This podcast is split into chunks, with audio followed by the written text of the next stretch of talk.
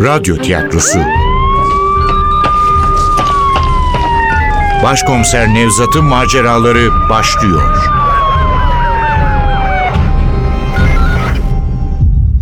Kırlangıç Çığlığı 7. Bölüm Eser Ahmet Ümit Seslendirenler Başkomiser Nevzat Nuri Gökaşan Ali Umut Tabak Zeynep Dilek Gürel. Evgenya Funda Postacı Kıpçak. Aziz Oya Küçümen. Medeni Rıdvan Çelebi. Efektör Cengiz Saral.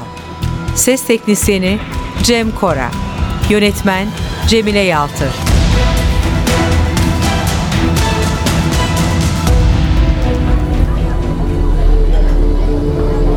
Bütün umudumuz akşamdaydı. Güneş çekilince belki sıcaklık azalır, denizden bir yel eser, bu boğucu hava dağılır diyorduk. Ne gezer? Bir nebze olsun azalmadığı gibi nem de iyice arttı.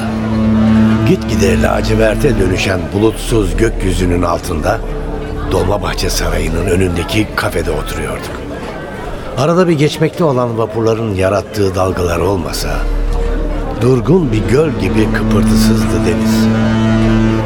Kafedeki bütün masalar doluydu. Bir parça serinlik umuduyla kendilerini kıyıya atmıştı insanlar. Biz de merkeze gitmeyi göze alamamış, Ali ile burada buluşmuştuk. Zeynep yüzünü yıkamak için lavaboya gitmişti. Biz de sessizce oturuyorduk masada.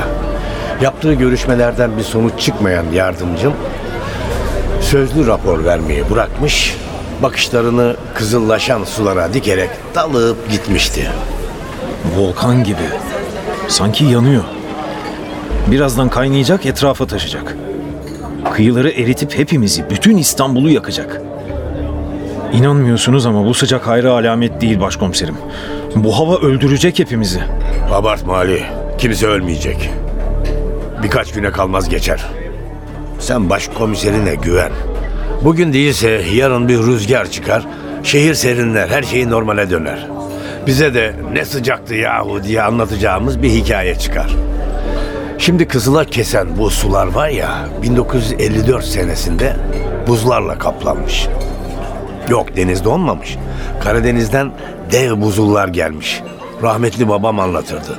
Millet eğlence olsun diye buzulların üstünde dolaşırmış. Seke seke karşı yakaya geçerlermiş.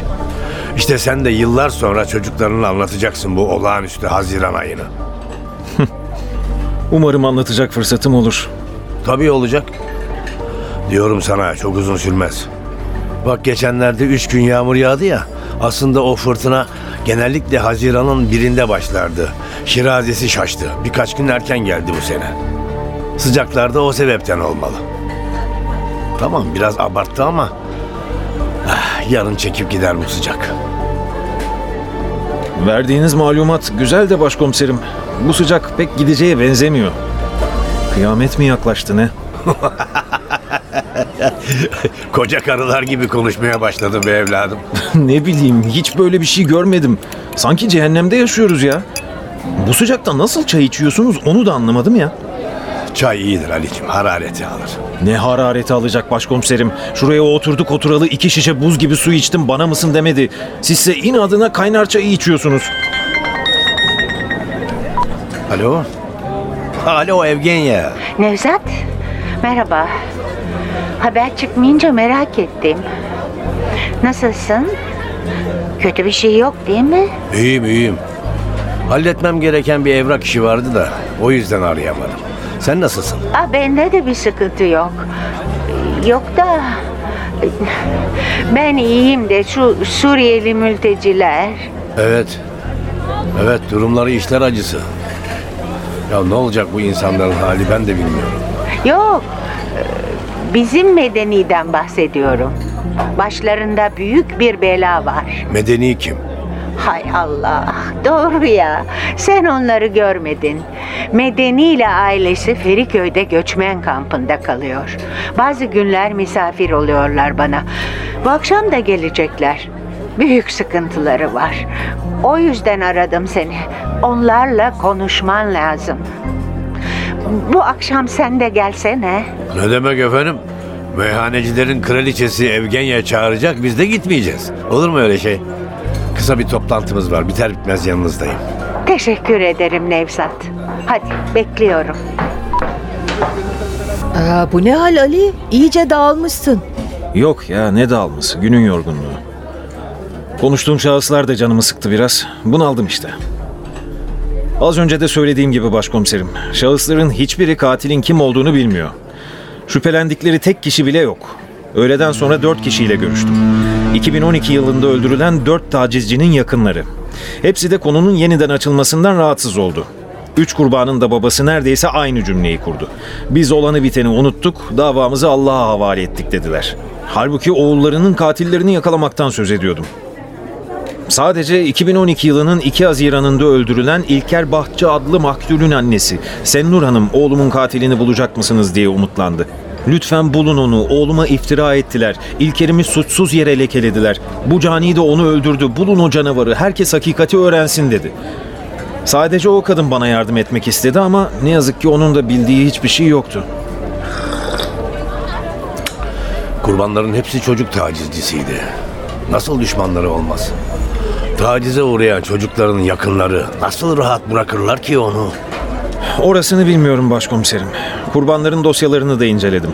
Taciz ettikleri çocukların yakınları tarafından hiç saldırıya uğramamışlar. Atıldıkları hapishanelerde bazı olaylar olmuş. İkisini de eşek sudan gelinceye kadar dövmüş öteki mahkumlar. Birini de bıçaklamışlar. Hepsi bu.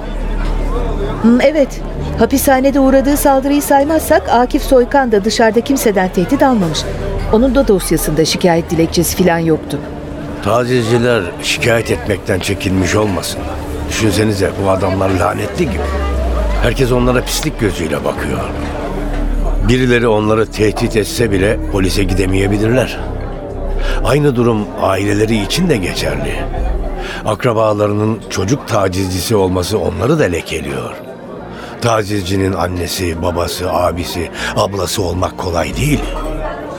Ali'nin de söylediği gibi bu davanın yeniden açılmasından utanç duyuyorlardır. Konu kapansın, olanlar unutulsun istiyorlar. O yüzden açıklama yapmaktan kaçınıyor olabilirler. Hem yapsalar ne olacak? Yakınları ölmüş zaten. Belki de çoğu iyi oldu, bu sapık hepimizin adını lekeliyordu diye düşünüyordur. Olabilir başkomiserim. Maktul yakınlarından bir sayfa yok gibi görünüyor. Belki Zekai amirimizi sıkıştırmak işe yarayabilir. Evet. Zekai ile yeniden konuşacağım. Ama biraz daha malumat toplamalıyız. Ona elim boş gitmek istemiyorum. Zeynep, senden 2012 yılına dönmeni istiyorum. Biliyorum bazı cinayetlerin tarihlerini, kurbanların sayılarını verdin ama hepsini istiyorum. İlk kurbandan son cinayete kadar. Sadece polis soruşturmalarını değil, o günün basını ne yazmış, kim ne demiş, yorumlar nasıl yapılmış tümünü öğrenmeliyiz. Gözden kaçan noktalar, atlanmış bir ifade, önemsenmemiş bir delil. Bu davaya dair ne kadar malumat varsa hepsi lazım. Başka türlü görebenin rutinini anlayamayız. Zaten biliyoruz başkomiserim. Adam saklamıyor ki. Hayır Ali'cim bilmiyoruz. Bildiğimiz kurbanlarının gözlerini bağlayıp enselerinden vurarak öldürdüğü. Sağ kulaklarını keserek çocukların bulunduğu mekanlara bıraktığı. Yanlarına da birer oyuncak koyduğu. Ben cinayet tarihlerinden bahsediyorum. Sayılar bize neler söylüyor? Bunun anlamını öğrenmeliyiz. Körebe 2012 yılında 12 kişiyi öldürmüş. Cinayet tarihleriyle cesetlerin bırakıldığı mekanlar arasındaki tüm bağlantıları istiyor. Maktullerin ilişkisinin olduğu bir kişi yahut bir kurum veya bir organizasyon var mı? Bütün bunları bilmek zorundayız. Bütün bunları öğrendiğimizde bile katil hakkında önemli bir bilgiye ulaşamayabiliriz. Ama denemek zorundayız. Bu iş epeyce çetrefilli arkadaşlar. Sizden iki kat daha uyanık olmanızı rica ediyorum. İki kat daha dikkatli. Anlıyorum başkomiserim. Hiç merak etmeyin. En kısa sürede öğrenirim istediğiniz bilgileri. Sadece bilgi değil, yorum da istiyorum. Körebenin kişiliğine dair tahlillere ihtiyacımız var. Ne kadar yetenekli olursa olsun bütün katiller hata yapar. Körebe de yapmıştır. Muhtemelen biz farkında değiliz. Yapmadıysa bile yapacaktır. Neler gördük neler yaşadık ki biz bu meslekte. Şeytanın bile aklına gelmeyecek cinayet planları, en usta polisiye yazarlarına taş çıkartacak kusursuz entrikalar. Ama aynı zamanda göz göre göre yapılan hatalar. O zeki katillerden hiç beklenmeyecek aptallıklar. Şunu unutmayın arkadaşlar. Hayat her zaman katilin aleyhinde çalışır. Mutlaka bir açık verir. Hiç istemese de ipuçları bırakır. Yeter ki biz onları görmesini bilelim.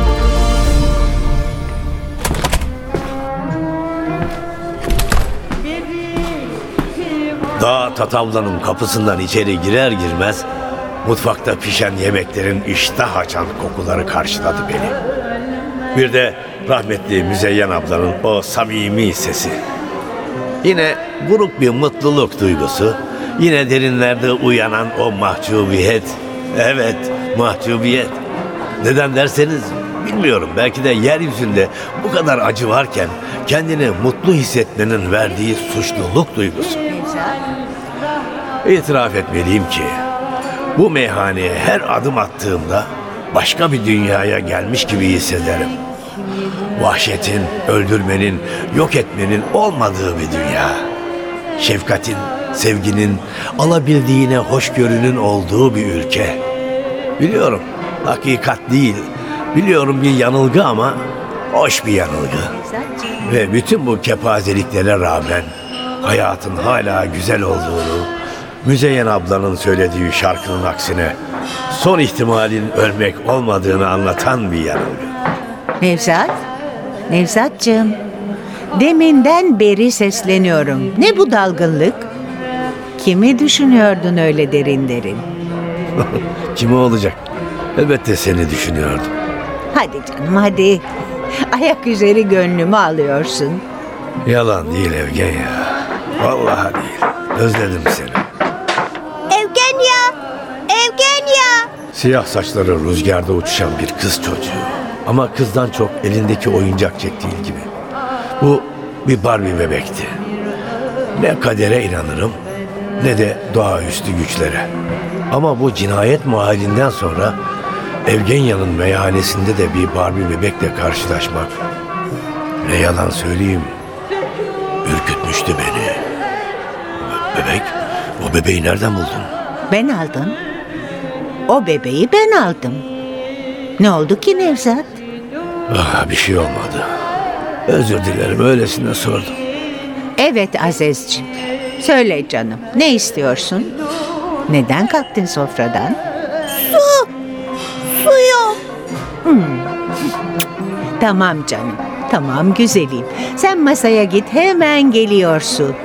Aziz sarı elbisesinin eteklerini uçuşturarak bahçenin köşesine kurulmuş büyükçe masaya koşturdu. Suriyeli. Suriyeli o zavallı çocuklardan biri. Ne oldu Nevzat? Niye öyle şaşırdın? Çaldığını mı sandın? Yo yo öyle değil. Kucağındaki oyuncağı başka bir bebekle karıştırdım. Dün cinayet mahallinde bulduğumuz bir oyuncakla. Bebeği görünce bir an irkildim, kendimi kaybettim. Gerçekten özür dilerim. Biliyorum Nevzat, biliyorum yapmazsın. Ah çok kötü durumdalar. Çok çaresizler. Telefonda da söylediğim gibi onları zaman zaman buraya davet ediyorum. Feriköy'de göçmen barındırma merkezinde yaşıyorlar. Dur, dur su götüreyim de geliyorum. Hay Allah sen ayakta kaldın. Her zamanki masayı hazırlattım. Akasya'nın altına. Hadi oraya geç. Tamam, tamam Evgenya beni dert etme. Sen işine bak ya. Yaşlı akasya ağacının altında kurulmuş masamıza yürürken Aziz'e takıldı gözlerim. Heyecanla bir şeyler anlatıyordu. Kendi gibi küçük bir oğlana. Aysun'umu hatırladım. Kumraldı kızım. Biraz daha büyüktü Aziz'den. Ama o da bu yaşlarda böyleydi. Yerinde duramaz, oradan oraya koştururdu. Bıcır bıcırdı. Durmadan sorular sorar, cevabını almadan bir başkasına geçerdi. İçim sızladı. Daha fazla bakamadım o rüzgar saçlı Suriyeli kıza. Benim için hazırlanan masada her zamanki yerime oturdum. Sandalyemin sırtını akasya ağacının yorgun bedenine dayadım. Lütfen çekinmeyin. Burası eviniz sayılır. Ne isteğiniz varsa lütfen söyleyin. Misafirleri ise sanki karşılarında bir azize varmış gibi hayranlık ve minnetle bakıyorlardı. İçeceğimden bir yudum alırken masanın başında oturan erkeklerin en yaşlı olanı kalktı ayağa. İnceydi, uzundu. Kuru dal gibi eğilmişti bedeni. Konuşmaya başladı. Ama sesi o kadar cılızdı ki ne söylediğini anlayamıyordum. Teşekkür ediyor olmalıydı. Çünkü Evgenya'nın yanaklarını al basmıştı. Benim mütevazı sevgilim ne zaman biri onu övecek olsa mahcubiyetten yerin dibine geçerdi. Konuşma uzayınca başka bir muhabbetin döndüğünü anladım. Zaten Evgenya da adamı dinledikten sonra beni işaret ediyordu. Merak etme. Şimdi Nevzat'a anlatırız o halleder. Nevzat'cığım seni Medeni Bey'le tanıştırayım. Merhaba, memnun oldum. Ben de memnun oldum. Buyurun, oturun lütfen. Yok rahatsız etmeyeyim. Ne rahatsızlığı Medeni Bey.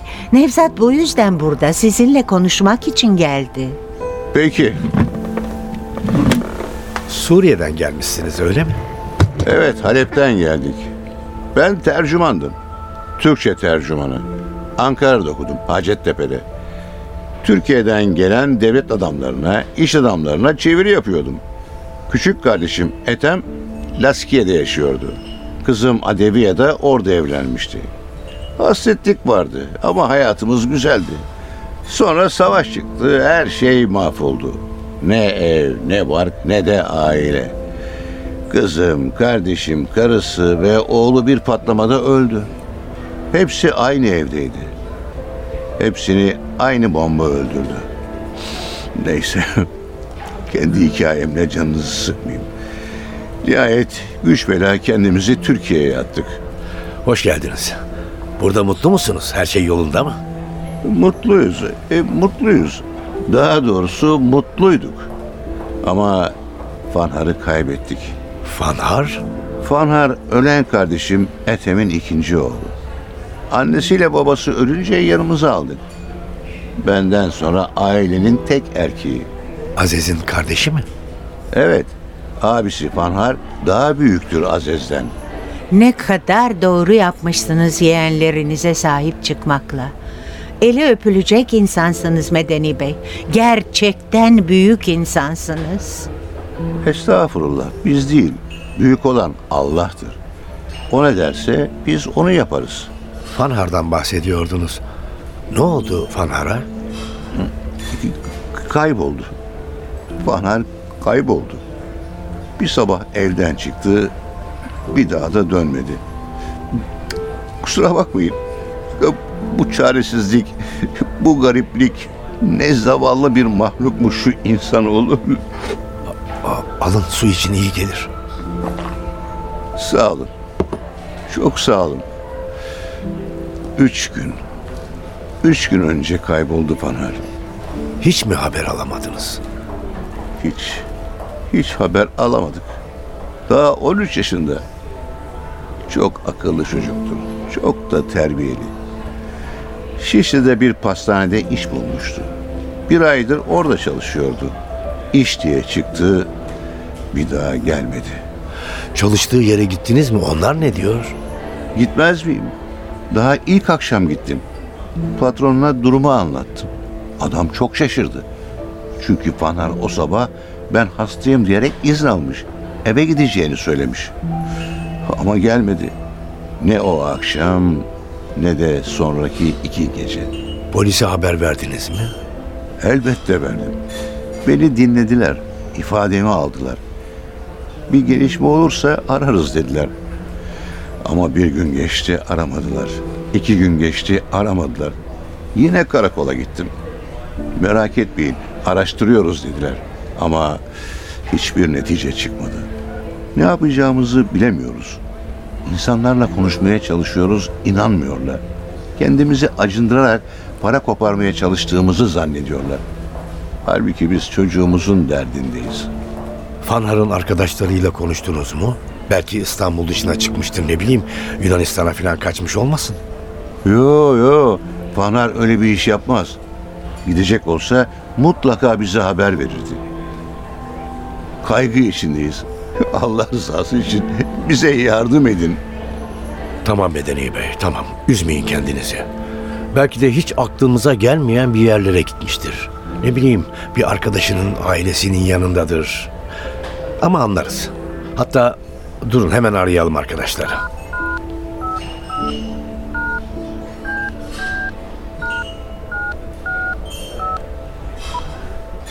Aradığınız kişiye şu anda ulaşılamıyor. Kapalı. Ee, sabah bir daha ararım. Bir sonuç alır almaz size bildireceğim. Teşekkür ederim Nevzat Bey. Fanhar'ı bulmalısın. Medeni'nin yeğenini bulmalısın. Ah nereye gider ki o yaşta bir çocuk? Merak etme Evgenya, merak etme. O çocuğu bulacağım. Sana söz.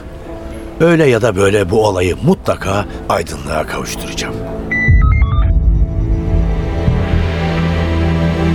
Kırlangıç Çığlığı. Eser Ahmet Ümit.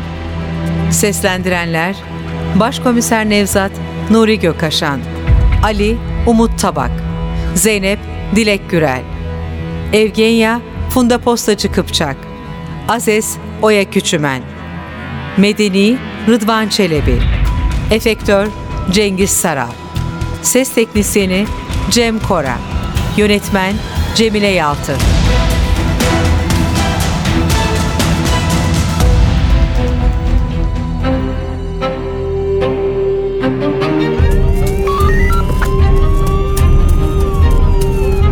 Radyo tiyatrosu.